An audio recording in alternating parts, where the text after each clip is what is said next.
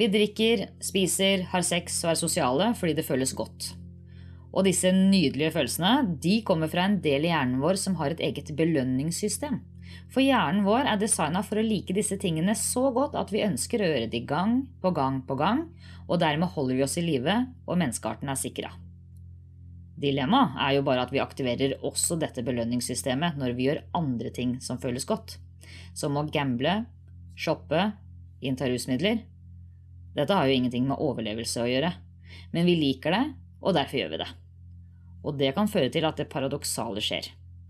Hjernedelen, som motiverer oss for å overleve, motiverer oss i tillegg til å gjøre handlinger som da er helt motsatt ende, og i verste fall kan føre oss raskere inn i døden.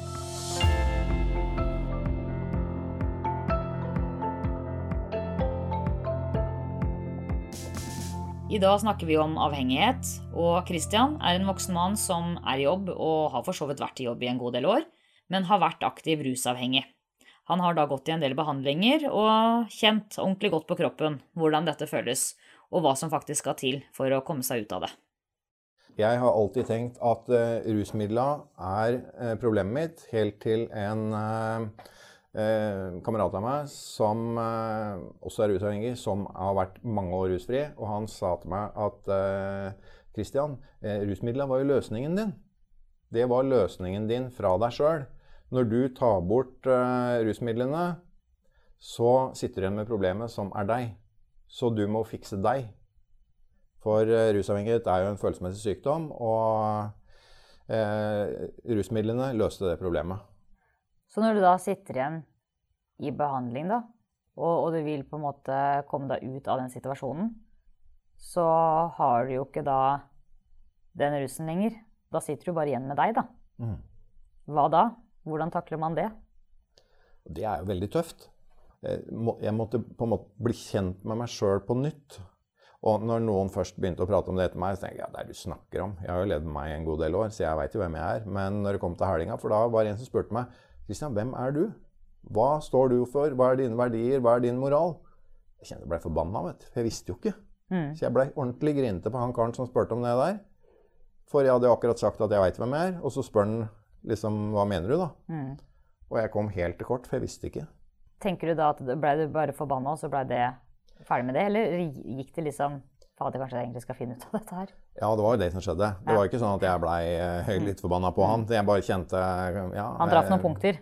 Ja, mm. veldig. Mm. Traff spikeren på huet, og jeg mm. kjente jeg blei superirritert, men jeg tok jo ikke det ut. Det mm. var uh, Jeg er god på det og uh, ja, sinne i stillhet. Og jeg får jo ganske dårlig med det, men jeg tenkte at det var bedre enn å ta det ut, for jeg får enda dårligere med det. Ja. Mm. Men hvor i løypa kom dette her? Som du faktisk skjønte det at uh, rusen var løsninga mi på det som var problemet helt fra starten av? Um, jeg um, Min opplevelse av det, det var vel uh, det var ganske ubevisste eh, ting, det her. Sånn dette starta, og på en måte det at det blei veldig mye eh, lettere å være meg med rusmidler Jeg følte at jeg blei hel. Jeg kunne bli meg med rusmidler. Og eh, jeg hadde kommet ganske langt ut i avhengigheten min, så eh, veit jeg at jeg sa en gang at jeg er ikke helt meg sjøl hvis ikke jeg har fått i meg noe. Mm. Og det er, det er ganske fortvilende å se tilbake på nå i ettertid. For sånn var det. Mm. Mm. Kjenner det koster meg litt å si det. Det blir en litt sånn mer nærhet når jeg sier det høyt. Men sånn var det. Mm. Men hva er avhengighet, og hvordan blir den sykelig? Avhengighetsterapeut Elin Grorud vet mer om hvorfor vi kan bli hekta på enkelte ting. Avhengighet eh, dreier seg om behov. Vi er avhengighetspersonligheter alle sammen og er avhengig av en rekke ting. Veldig sånn naturlige ting som mat og luft og vann eh, omsorg. Føle seg likt, elska, godtatt som den jeg er. Snakker kanskje om sykelig avhengighet. Det er jo det kanskje vi er inne på nå, med rusavhengighet. Da har jeg skapt meg et behov. Det kan være fysisk, det kan være psykisk, det kan være genetisk. Det er forska så mye på det her, og det er ikke noe fasit. Men jeg vet jo det at eh, når kroppen blir tilført rusmidler eller sinnsendrende midler over tid, så vil kroppen ha det. Da blir man fysisk avhengig. Mm. Når jeg snakker om den eh, eh, genetisk, så er, kan være at det er mye rusavhengighet bakover i, i familien. At vi ser noe mønster der. Eh, også den, den, mentale, eller ja, mentale besettelsen, da. Mm. En besettelse kan beskrives som en tanke som er sterkere enn alle andre tanker. Jeg, det kan være et misbruk, det kan være en uvane, men det er, når det snakkes om avhengighet, så tar det over styringa i livet ditt. Og det er vel akkurat det Christian opplevde da han ble rusavhengig. Men hvem var Christian før rusen tok overhånd? Det starta eh, som eh, litt som ungdom flest med, med alkohol.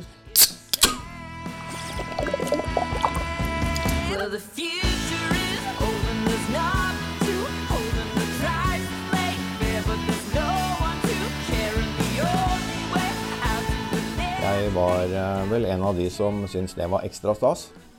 Var vel den som eh, blei eh, mest full fortest. For jeg var vel en sånn litt sånn sjenert Ja, litt sånn ikke inneslutta med kamerater og sånn, så var vel jeg som folk flest. Men i litt sånn utrygge omgivelser eller nye og nye omgivelser, så, så syntes jeg det var vanskelig. Det var vanskelig å være meg, på en måte, og særlig da inn i tenåra. Så måte, det blei en sånn liten frihet i det å eh, få en litt sånn kunstig stimuli som eh, jeg kunne være meg. Og dette her utvikla seg jo på en måte oppover i tenåra når jeg etter hvert kom i kontakt med andre rusmidler som jeg kjente ga meg enda mer.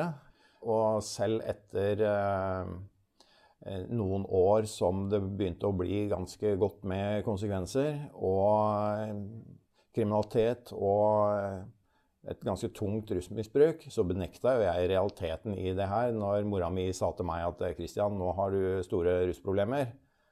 Så sa jeg hallo, slapp av. Det er jo på en måte ikke jeg som er det, det er jo Johnny nede på hjørnet som sliter. Det å hele tida peke på de som er verre enn meg, da, og benekte min egen situasjon. Hvor lang tid tok det, på en måte? Eller hva var det som skjedde som gjorde at du òg kjente at Nei, vet du hva, nå går det faktisk ikke bra? Min første opplevelse av at eh, jeg kunne se min egen situasjon som eh, umulig, eh, det var vel mange år siden nå. Men jeg var, sto da i en situasjon som Hovedoverskrifta var kanskje ensomhet. Det var mye angst. Det var mye skyld, skam, bitterhet, altså gammelt sinne. Eh, sorg, savn, fortvilelse, frykt, desperasjon. Det var liksom eh, Uansett om jeg på en måte putta i meg rusmidler, eh, så fikk jeg ikke på en måte den hjelpa som jeg søkte ved å kombinere forskjellige rusmidler med ja, alt mulig. Det, jeg, jeg, hadde det så dårlig, og jeg hadde da tidligere prøvd å eh, kutte ut rusmidler. Så eh, det var eh, redd for å leve, redd for å dø. Det tenker jeg var en eh, overskrift som var helt vesentlig da. For eh, det var den tida jeg hadde eh, gitt opp. Jeg var i en sånn ingenmannstilstand, og rusmidlene ble den midlertidige løsningen. For uten rusmidler så var det helt umulig, men jeg hadde det jo ikke noe bra eh, med det heller. Så det tenker jeg var en av mine største eh, personlige bunner, som eh, gjorde meg villig til å søke eh, noe nytt, noe fremmed. Jeg visste jo ikke noe om behandling, men jeg tenkte at eh, dette her fungerer ikke i det hele tatt, så noe må jeg gjøre. Det å gjøre noe nytt, noe fremmed, det sitter ganske langt inne hos mange av oss. Så det å bestemme seg for å prøve behandling, det kan jo som Christian også nevner, være skremmende. Så hva er det som skjer, da, når du kommer til et behandlingssted? Eh, det er flere veier til rom, og det er mange typer behandlinger. Men den som jeg eh, har jobba med, og som jeg har klokketro på, da, det er en døgnbehandling Eh, med en eh, stram timeplan. Jeg tenker Tilfriskning da, fra avhengighet det dreier seg om Først må du være villig til å, til, til å gjøre noe annet. Og det tenker jeg du viser bare med OK, jeg legger meg inn. Mm. Og så har noen en forståelse, eller tanke rundt det at eh, legger jeg meg inn, så skal jeg ligge i en seng, jeg skal få noen piller, jeg skal bli pleia og sånn. Men sånn er det jo ikke. Du blir ansvarliggjort, og du må følge en timeplan fra morgen til kveld. Eh, og da er det ikke sant, opp om morgenen, spise mat. Det med rutiner, det blir jo gjerne borte for veldig, veldig mange. I, eh, i uh, rusavhengighet, i alle fall. Og det å få inn sunne måltider, sunn trening, eh, det å sosialisere seg med andre Det er veldig ensomt å være en rusavhengig. Eh, man, eh, den drivkraften man har til å glede seg til å gjøre ting sammen med noen, den tar det, det, det skjer det motsatte med en rusavhengig. Man trekker seg unna og har det egentlig ganske ille, men allikevel best aleine med seg og rusmiddelet sitt. Mm. Så det å trene på sosialisering eh, smalltalk. Mm. Eller det bare være i samme rom med andre. Eh, og så er det selvfølgelig undervisning og forelesninger om avhengighet, om eh, livet generelt, om eh, hvordan eh, gå veien videre. Åssen skal jeg forstå meg på alle mine rariteter? Hva, hvorfor reagerer og agerer jeg sånn som jeg gjør? Eh, hvorfor føler jeg sånn som jeg gjør? Dette er da Elin som forklarer hva som skjer i en behandling. Og når jeg snakker med Christian, snakker vi jo selvfølgelig om hvordan han opplevde det. Men jeg lurer også på hvordan det er å skulle begynne litt på nytt etter en behandling når det har gått såpass mange år. Hvor føles det da som at du må begynne litt der som andre på samme alder begynte for ti år siden? Ja, det er helt riktig. For eh, jeg skjønte ikke der og da at eh, ved å ha drevet med rusmidler i ganske mange år, og at jeg gikk glipp av eh, min egen utvikling, så når jeg kom i min eh, første ordentlige eh, rusbehandling, eh, 27 år gammel, så eh, var det vel først etter noe tid da jeg skjønte at jeg, det var veldig mange ting jeg var helt nødt til å lære meg helt på nytt. Hvordan var det, da? Eh, det som eh, blei tidlig for meg, det var jo på en måte med god hjelp i en behandlingsinstitusjon. Når en begynte å snakke om eh, eh, hvordan jeg hadde det, og det å snakke om eh, følelser, det var jo for meg kjempevanskelig. For jeg hadde jo ikke noe godt ordforråd på det. Og eh, det å identifisere de forskjellige følelsene, det å kunne snakke om det, og det å etter hvert liksom få en nærhet, og det å si noe om åssen jeg har det her og nå, åssen jeg på en måte har hatt det. Hva er det, Åssen er det jeg har levd livet mitt? Og åssen kunne det bli så gærent? Det var et tidspunkt i det her som eh, gjorde det vanskelig for meg, spesielt vanskelig. Og det var at jeg satt fast en god del i fortid og skyld og skam. Eller at jeg hoppa rett fram i fremtid og frykt. Åssen skal dette bli? Og her og nå så var det jo ikke spesielt uh, fin situasjon. Med, når jeg så, begynte å se realiteten på åssen det hadde blitt. Her satt jeg i en rusbehandling, og det hadde blitt ganske så dårlig på veldig mange fronter i veldig mange år. Og jeg tenkte at uh, OK, jeg får prøve så godt jeg kan. Og med god hjelp så har det på en måte vært uh, mulig å finne tilbake i meg sjøl. Ja, Christian har klart det. Han klarte å komme seg ut av rusmiljøet og inn i den mer normale hverdagen. Men hva er det han syns da er best med vår A4-hverdag? Det å være liksom i en slags rolle som er litt mannen i gata. Det å ikke tenke at jeg liksom er så veldig spesiell, som jeg alltid jeg har alltid følt meg annerledes. ikke sant? Helt siden jeg var ganske liten. Jeg tenker at eh, det har vært så, så verdifullt, det å eh, det å trå det første skrittet inn i arbeidsmarkedet og på en måte få en eh, slags akseptering der da, for hvem jeg var, og få um, en mening og en verdi i livet, det å få um, ansvar og forpliktelser på jobb, og mer og mer, uh, og, og, det å like hva jeg eh, jobber med. Kristian har jo nå vært i jobb i flere år. Men når du kommer ut av behandling, eller kanskje du skal kombinere noe behandling med noe jobb, så vil du jo møte det alle andre jobbsøkere kjemper seg gjennom. Jobbsøknader og jobbintervju. Hvor ærlig skal du da være i møte med nye arbeidsgivere? Nei, jeg hadde en veldig tidlig tanke om akkurat det der. At uh, det som har vært, har vært. Uh, det var faktisk et jobbintervju her for ganske mange år siden, som, og det var inn i et verksted, som jeg ikke hadde tenkt å si noe om greiene mine. Jeg satt i et jobbintervju. Der er det med han sjefen sjøl, eierskapet og en formann. Og så, etter jeg beskriver litt hva jeg har av kompetanse inn i denne jobben, så sier han at nå kommer et litt ubehagelig spørsmål. Så han, har du noen gang hatt noe befatning med politiet? Jeg blei tatt så på senga, så jeg tenkte at ok, ja, det har jeg, sa. Og det var litt sånn ungdomstida. Det blei litt sånn gikk vilt for seg. Det var vinningskriminalitet og biltyveri og litt sånn galskap i det her. Men det er jo mange år sia, sa jeg. Så det var ikke helt sant, men da fikk han i hvert fall vite noe. Og så, sier han, så kommer neste spørsmål, som er kanskje like ubehagelig. Har du hatt befatning med narkotika? Og da tenkte jeg at har jeg sagt A, får jeg si B. Så jeg gjorde det. Og det her uh, syns jo han uh, var veldig bra. Og uh, med at jeg var ærlig på nettopp dette her, så sa han at da tenkte han at jeg var en kar å kunne ha i jobb. Så han tilbød meg å kunne begynne å jobbe da førstkommende mandag. Bør man ha tenkt gjennom litt på forhånd hvordan man vil fremstille historien sin? Har, har du noen tips der? Jeg tenker at dette her er så individuelt. På en måte hvem personen, personligheten er, og hva en kommer fra. Og eh, jeg har jo opplevd noen eksempler som jeg kjenner til, som er ganske grenseløse. Og hvelver ut av seg det ene og etter det andre. Og det tenker jeg at det kan være nok til å ikke få jobb. Så det å ha en eh, reflektert samtale med noen som har litt greie på dette her, det tenker jeg er ganske viktig. Og når vi snakker om jobb, hvorfor er jobben så viktig for oss? Og kanskje da spesielt hvis man har vært utenfor arbeidsmarkedet en stund.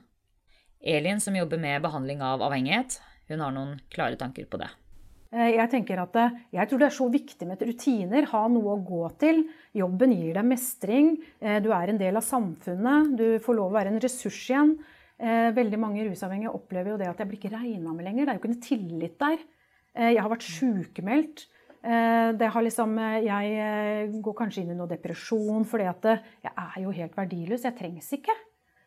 Men jeg trenger, jo, jeg trenger å føle meg verdifull. Så det å gå tilbake til den jobben, om det jeg så er midlertidig, så er, tror jeg det er superviktig å være en del av samfunnet, om ikke nødvendigvis 100 så i hvert fall at man har et engasjement og noe å gjøre hver dag. Men si du har landa en jobb. Du har kanskje vært der en stund. Hverdagen den begynner egentlig å bli ganske ålreit. Du har virkelig jobba hardt, kommet deg ut av aktiv avhengighet. Er det da så greit at ja, fortida mi, det er fortida mi? Eller er det sånn at kall det avhengighetsspøkelset plutselig popper opp i ulike situasjoner? Når jeg blir rusfri, så er det eh, en god del av mine hva skal jeg kalle det, karakterbrister som blir borte bare med det å bli rusfri. Eh, men måten jeg kan oppføre meg på eller snakke på som eh, er okkupert av ruspersonligheten For jeg tenker at ruspersonligheten har jeg i meg selv om jeg ikke bruker rusmidler. Eh, når jeg har levd et liv som jeg har gjort i mange år, og det har utvikla seg til noe ganske dårlige greier, så er det en del ting som jeg bruker ubevisst i situasjoner når det blir vanskelig. Og som igjen er med på å gjøre livet vanskelig for meg når jeg eh, møter folk på en dårlig måte. Hvis jeg blir konfrontert med noe på jobben, og jeg eh, overreagerer i en situasjon tilbake eh, som jeg ikke har noe bevisst forhold til. Det er bare en automatisk reaksjon som skjer. Og folk rundt meg bare 'Herregud, hva skjedde her?' Med det å holde på å manipulere, lyve, stjele, true, eh, den der psykiske og følelsesmessige vold Mm. Mot uh, ja, eh, bagatellisere, overdrive. Ja, alle disse forskjellige tinga her. Eh, dømmende, krenke, arroganse, selvmedlidenhet. Alle de der maskene og eh, strategiene som jeg bruker ubevisst i avhengigheten min. Eh, alle de blir ikke borte selv om jeg blir rusfri. Og en del av de popper opp når jeg kanskje minst egentlig ønsker eller har behov av dem, men de kommer da det er så automatisert atferd og som gjør det vanskelig for meg i ettertid av en situasjon å tenke at herregud, er det mulig? Åssen er det jeg klarer å få til dette her?